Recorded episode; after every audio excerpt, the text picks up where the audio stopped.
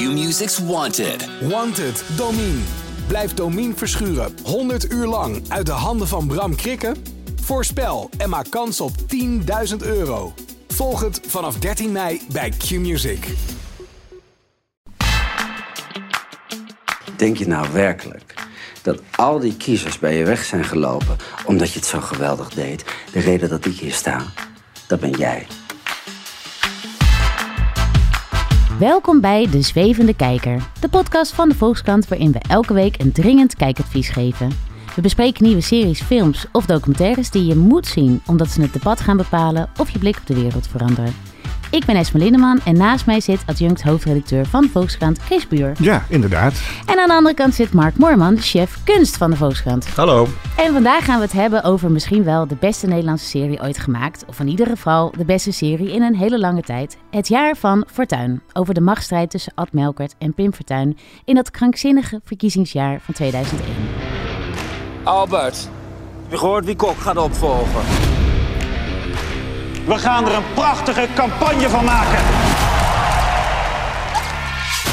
De mensen zijn het zat. Wat houd je tegen? Richt dan je eigen partij op. Lijst Pim Fortuyn. Nou, dat kan er ook nog wel bij. Het lijkt me een kansloze onderneming. Ik heb er zin aan. At your service. Het jaar van Fortuin is een serie van Avrotros en de komende vier vrijdagen te zien op NPO 1. En onze eigen Mark Morman gaf de serie afgelopen vrijdag vijf sterren in de krant. Mark, vijf sterren, waarom? Ja, nou, en het waren ook echt vijf sterren, niet, niet uh, naar boven afgerond of iets dergelijks. Nee, ik was, ik was gewoon heel enthousiast. Het, het is een soort tijdvak dat een beetje bevroren in, uh, in, in de tijd uh, leek. En dat komt gewoon totaal weer tot leven. Dankzij een heel knap scenario en, en een aantal briljante rollen. Het is gewoon een heel geslaagde mix van comedy en drama. Dus ik was, uh, nee, ik, ik was heel uh, enthousiast. Van, uh, ook van de eerste tot de laatste aflevering. Ja, en Chris? Ja, nou precies wat Mark zegt. Ongelooflijk knap dat de serie, en dat, dat ligt ook vooral heel erg aan de schrijvers, denk ik. erin slaagt om een lichtvoetigheid te houden en tegelijkertijd ook heel emotioneel en heel zwaar en heavy te zijn op bepaalde momenten. En dat voor een periode in de geschiedenis die volgens mij ook alles, zoals het leven zelf, uh, in zich verenigde, zeg maar. Ja, ja. Hey, en uh, Mark, introduceer eventjes de belangrijkste personages. naar wie kijken we eigenlijk uh, in die vijf afleveringen? Nou, het is een, het is een soort le leger aan personages, waarvan de, de, de, de meeste, als je tenminste de leeftijd hebt, nog soort levendig herinnert. Maar de centrale dramatische uh, as van het uh, verhaal is de tegenstelling tussen Ad Melkert, Partij van de Arbeid, lijsttrekker, opvolger van Kok. En Pim Fortuyn, de, de, de, de, nieuwe man in de, in de politiek, was, bekend als columnist van Elsevier en, en iemand die graag een steen in de vijver gooide. En, en die twee worden eigenlijk, en, en hun paarden kruisen elkaar natuurlijk voortdurend, maar die, die twee worden gevolgd met, met de, de achterban van Melkert en de achterban van Fortuyn en de hele politieke en maatschappelijke dynamiek die, die tussen hun en ook de persoonlijke dynamiek die tussen hun uh, speelt. En dan is er nog een grappige derde hoofdpersoon eigenlijk. Ja, dat, er, wordt, uh, de, de, uh, er is een, uh, een, verteller. Dat is een van de, van de vele goede vondsten in deze serie. De figuur Matt Herbe. En daar hebben we een fragmentje van. Ja. Historische aardverschuivingen hebben één ding met elkaar gemeen. De meeste van ons worden er compleet door overvallen. Maar een enkeling ziet het aankomen. Matt Herbe dus, die door de vierde wand heen breekt. Vetja van Huet, hè? moeten we er even bij zeggen. Ja, ja. En wat vond jij ervan, Chris, van, uh, van de vondst van Matt Herben als ja, de alwetende verteller die ons door dat hele verkiezingsjaar heen loopt? Ja, heel goed eigenlijk, omdat dat een rol is die heel erg uh, goed gespeeld is en klopt. En dat Matt Herben natuurlijk een heel ideaal perspectief heeft, omdat hij het gedachtegoed van Pim Fortuyn zelf eigenlijk helemaal uh, doorleefde. En op die manier eigenlijk een hele goede blik heeft op wat er gebeurt. En ja. het is natuurlijk ook uh, zowel een grappige als een beetje een ja, realistisch tragische figuur ook ja. tegelijkertijd. En dat maakt het eigenlijk houdt dat die hele serie op een manier heel erg goed bij elkaar. Ja, Matt Herben had dus zelf aangegeven in een interview in het AD dat hij niet van plan was uh, te gaan kijken. Hij zei, uh, ik heb er geen vertrouwen in. Ik heb de trailer gezien en ik dacht, is dit een klucht? Ja, snap ik ook wel. Omdat als je, zeker als je losse stukjes ziet, dan denk je, oh ja, uh, Vetja van Nuet gaat wel een beetje Kees van Koten op ja. Matt Herwe. Aan de andere kant, als je die hele serie ziet, is het zo'n mooie en goede en complete rol. hij wordt ook echt helemaal niet weggezet als een als een gek burgermannetje of zo, wat je misschien zou verwachten. Het is toch een hele. Het is, hij, is eigenlijk de voice of reason ook in, uh, in, in het hele verhaal. En hij kan ook heel erg goed dingen uitleggen, zoals met dat broodtrommeltje. Toch maar? Ja, nou, hij, eh, eh, want er zijn natuurlijk, uh, want je denkt dat je het allemaal nog wel weet, maar het, die serie is ook gewoon een ontzettend goede geschiedenisles. Waar hij legt nog even uit wat paarse politiek ook alweer was, aan de hand van de druiven en tomaatjes in zijn lunchtrommel. En dat klinkt lullig, maar dat is toch wel klein, vrij briljant gespeelde scène. En de eindeloze complexiteit van al die leefbaar partijen van twintig jaar geleden, waarvan ik ook, dat had ik echt nooit meer kunnen navertellen. Maar dan is het toch heel fijn dat hij ons even door dat uh, complexe landschap uh, loodst met wat uh, goede samenvattingen. Ja. We gaan het hebben over waarom deze Nederlandse politieke dramaserie van zo'n ongekende kwaliteit is. Over het spelen van bekende mensen. Over de invloed van de Amerikaanse filmregisseur Adam McKay. En over de vraag hoe losjes je mag omgaan met feiten bij de verfilming van een waar gebeurd verhaal. En we praten ook met twee ooggetuigen van deze politieke aardverschuiving. Onze eigen Haagse verslaggever Hans Wansink, die 20 jaar geleden een bom legde onder het lijsttrekkerschap van Pim Fortuyn bij Leefbaar Nederland met een spraakmakend interview. En we praten met Wouke van Scherburg, de parlementair verslaggever tegen wie Fortuyn zei: mensen gaan naar huis, ga koken. En dit is wat Wouke over het jaar van Fortuyn te zeggen heeft. Ik vind het ontzettend goed geacteerd zo ongelooflijk uh, knap allemaal. en ook, uh, dat, dat, ik liep ook wel eens door de PvdA-wandelgangen natuurlijk. En dan word je ook daar wel eens enorm geschreeuw. Maar dat, dat was bij alle fracties hoor, hoor je wel eens enorm geschreeuw. Dus maar ook dat, dat hij was, het is gewoon ontzettend geloofwaardig allemaal. Kijk, Paars 2 was echt zo zelfgenoegzaam en zo tevreden over zichzelf zijn, de club. Het was echt zo zo bloedsaai in Den Haag. En toen kwam Fortuyn daar ineens, uh, wam, uh, als een tornado kwam hij door het politieke landschap heen. Ja, voor iedere journalist is dat natuurlijk waanzinnig fantastisch. Ja, dus zij beschrijft het eigenlijk als een soort rollercoaster waar zij ook ontzettend van genoten heeft. Omdat daarvoor het gewoon ongelooflijk uh, saai was. Weten jullie dat nog van die tijd, hoe saai paars was? Paars was enorm saai. Ja, ik vond het eerlijk gezegd toen ook wel prettig zelf. Maar het was heel erg inderdaad die, die periode van uh, Fukuyama, van de The End of History. Van eigenlijk is alles uitontwikkeld. We hebben alleen nog maar technocraat aan de macht. Alles komt vanzelf wel goed. Dus maakte zich maar geen zorgen. Uh, en dat had iets, ook iets heel verstikkends natuurlijk. Dus daar hoort politiek natuurlijk toch iets op het spel te staan. En dat, dat vindt de journalistiek dan natuurlijk ook een stuk leuker. Als er iets te kiezen valt eigenlijk. Ja, want dat, wat waren jullie eigenlijk aan het doen uh, twintig jaar geleden? Toen nou, dit allemaal speelde. Ik schreef uh, tv-recensies, onder andere voor, voor het Parool als, als Han Lips. En ik weet ook wel dat, dat, dat je opeens als tv-recensent over politiek begon te schrijven. Terwijl dat daarvoor uh, toch niet zo was. Ook omdat het gewoon een spektakel werd.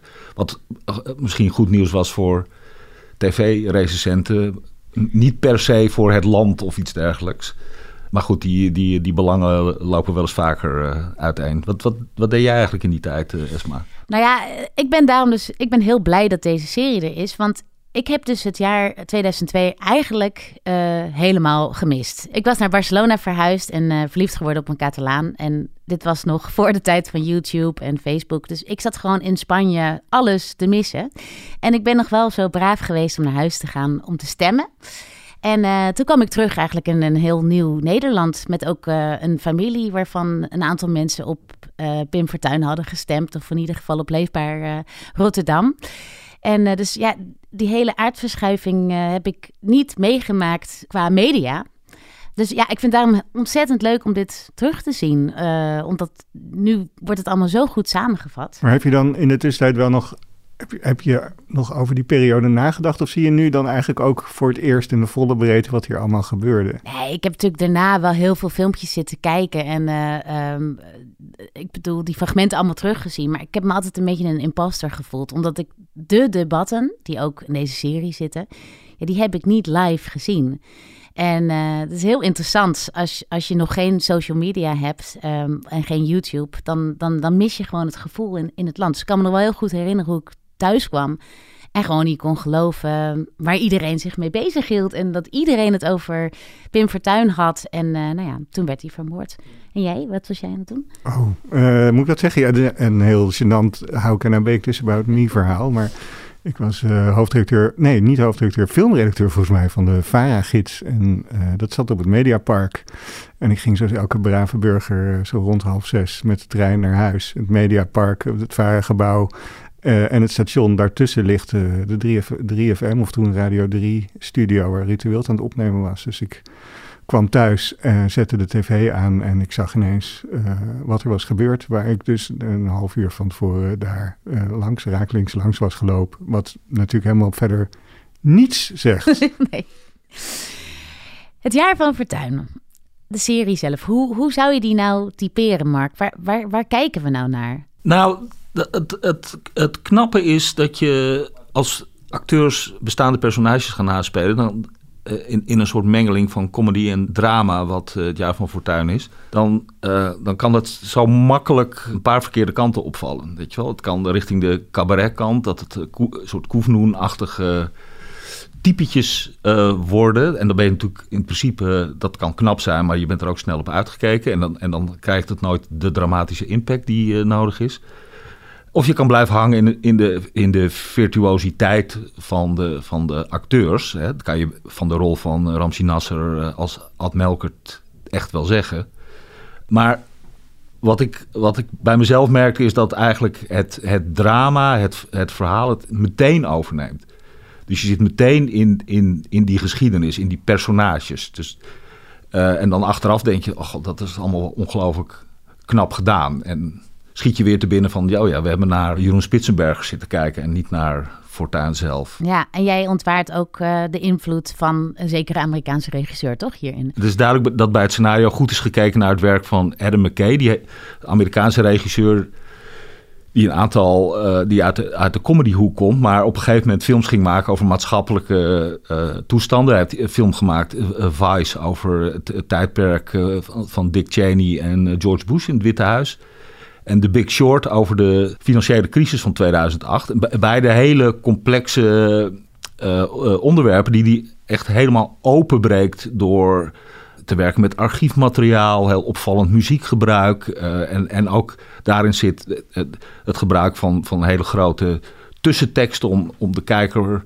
echt enorm aan de hand mee te slepen door de complexiteit van het verhaal. En ook die, dat doorbreken van de vierde wand, dat personages zich opeens tot de kijker richten, dat komt daar vandaan. En het, maar goed, het, het werkt hier ook gewoon heel goed. Dus waarom niet zo'n methode of zo'n stijl uh, gebruiken als je, als je er inderdaad zo goed mee omgaat? Ja, wat vind jij, Chris? Wat, welke scène werkt voor jou of welke aflevering vind jij het? Nou ja, waar je aan kon zien ja, dat het, zo, dat het zo, zo ontzettend raak gekozen is en heel knap gedaan is. is er is één scène die draait eigenlijk om uh, Hit Me Baby One More Time van uh, Britney Spears. Sowieso excellente keuze gezien hoe we nu naar Britney Spears kijken.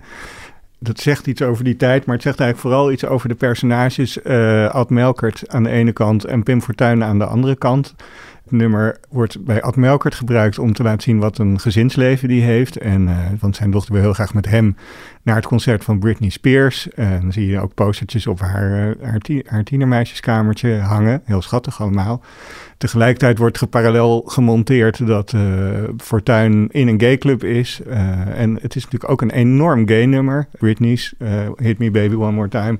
Hij danst daar een beetje mee met een stel gays, die daar, go-go dansers, die daar uh, heel verleidelijk staan te dansen op dat nummer. En dat laat eigenlijk een beetje zien hoe eenzaam die uiteindelijk is en hoe, uh, ja, hoe eigenlijk dat weer zijn leven bepaalt. En dat wordt dus heel mooi met één nummer in één scène contrasterend tegenover elkaar gezet. en dat is ook, ook realistisch en heel raak en knap gekozen daarmee. Ja, dus dat ja. is één scène die heel veel vertelt. Ik kan hem ook los zien als, als extra op, op het fantastisch werkende Plus.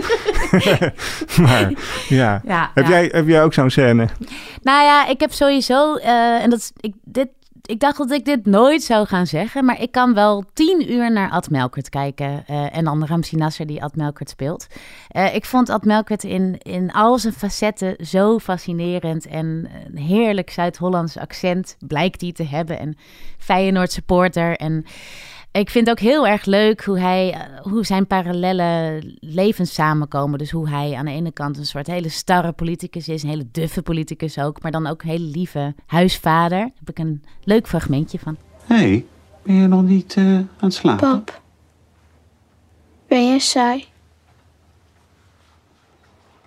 Hoe kom je daar nou weer bij? Wie, wie heeft dat gezegd? Iemand op tv. Vind jij mij saai? Thuis niet. Maar wel op mijn werk. Weet je wat het is, eh, lieve schat? Papa's werk is juist heel spannend. Eh, Wij moeten bijvoorbeeld kijken of iedereen wel genoeg werk heeft. En of alle scholen wel goede juffen en meesters hebben. En ook of er wel genoeg bussen rijden naar de concerten van uh, Britney Spears. Dus dat is eigenlijk enorm ingewikkeld. En uh, dan moet het niet zo over mij gaan. Nou, Melkert wil dat het niet zo over hem gaat. Maar wat mij betreft kan het de hele tijd over hem gaan. Want ik vind hem zo spannend in alles wat er samenkomt in, in deze politicus. En de strijd die hij ook verliest, omdat hij gewoon het contact met, met de samenleving helemaal kwijt is. Hoe, kijk je daarnaar, Mark? Nee, ik, ik constateerde ook dat we een soort Britney Spears thema, verborgen thema te pakken hebben daar. Ik wou nog even de, in ieder geval de, de naam van de scenaristen noemen, want dat, dat, die verdienen toch wel een soort uh, monumentje. Pieter Bart Korthuis en Nathan Vecht. En uh, ja, nee, dat, dat, dat werkt heel goed. En, en het is zodra uh, uh, Ramsi Nasser als Ad Melkert in beeld komt, dan, dan, dan voel je gewoon dat je naar het uh, puntje van je stoel verhuist.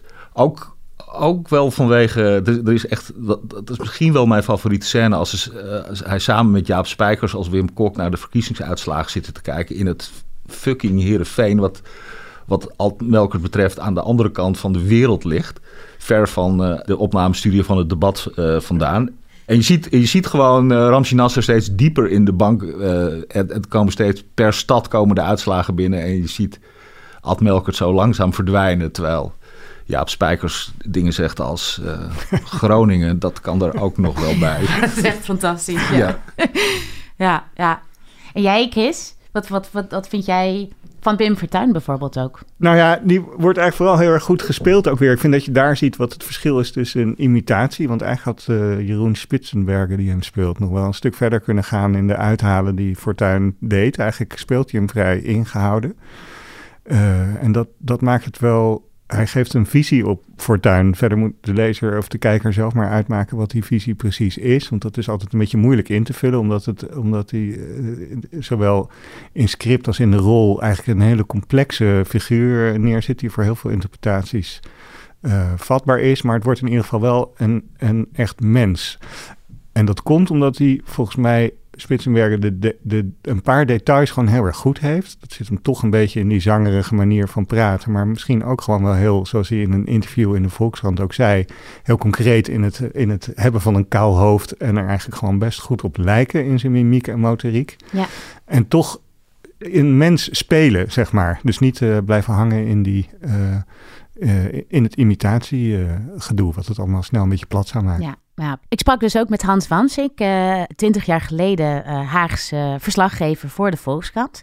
En, en Wansink en Frank Poorthuis waren de journalisten die Pim Fortuyn interviewden. En in dat interview zei dus Fortuyn dat de islam een achtelijke cultuur was. Dat was een, dat, dat was een bom die ontplofte. En nou, ik sprak hem kort over deze serie. Nou, ik denk, ik herken het toch heel veel. Ook, ze hebben veel werk gemaakt van de decors. Hè, dus Palazzo di Pietro, het huis van Fortuin. Uh, dat ziet er ook uh, op de film net zo uit als, uh, als het twintig jaar geleden was toen wij daar ons interview maakten met Fortuin.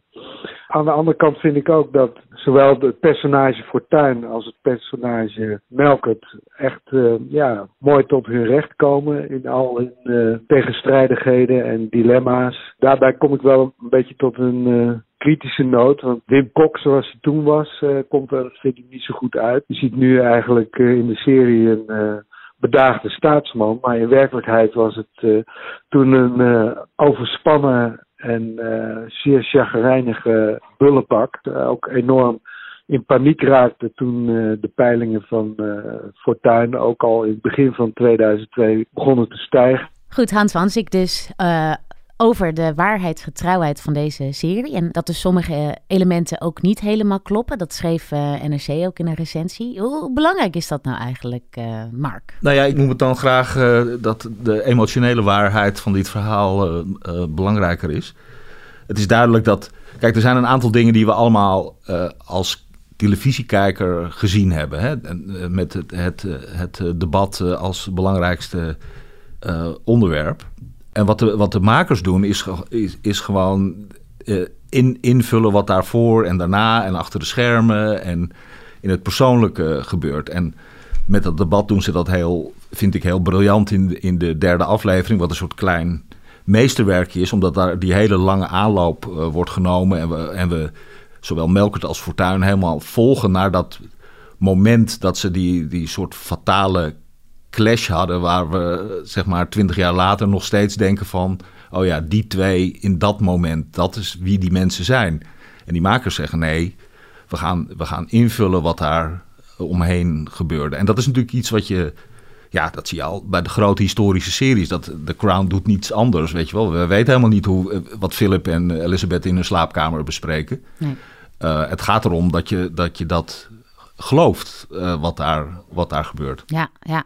Ja, wat ik zelf heel knap vind aan de serie is hoe de verhaallijnen van Melkert en, en Fortuyn vervlochten worden met de levens van gewone burgers. Bijvoorbeeld de, hmm. de krantenbezorger van de Marokkaanse komaf, die uiteindelijk uh, de Volkskrant uh, boos in de maas gooit omdat hij zich uh, ja, gekwetst en ook bedreigd voelt door het podium wat de Volkskrant biedt aan Pim Fortuyn.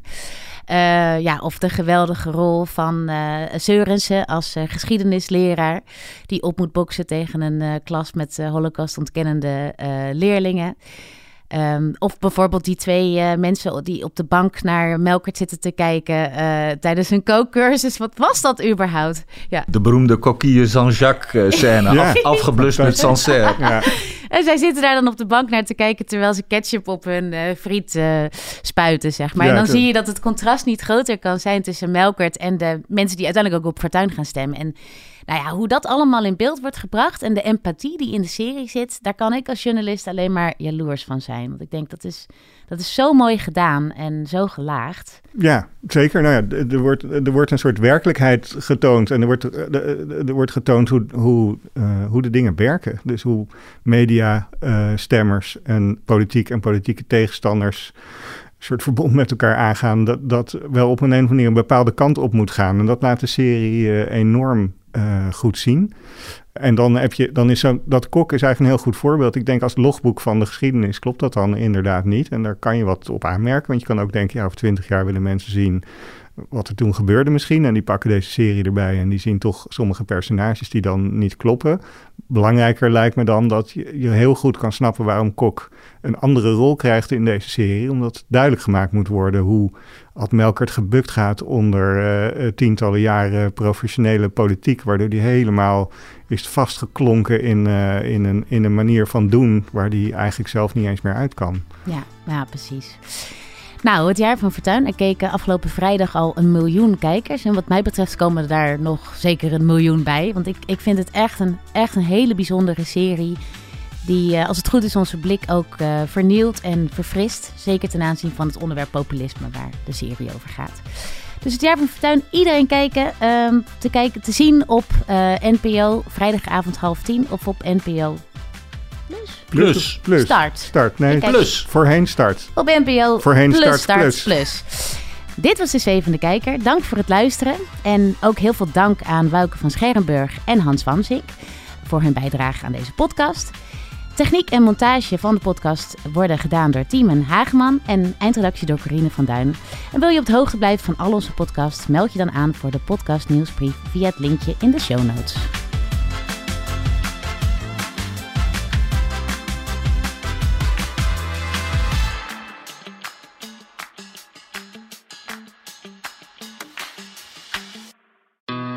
Q-Music's Wanted. Wanted, Domine. Blijf Domine verschuren 100 uur lang uit de handen van Bram Krikken?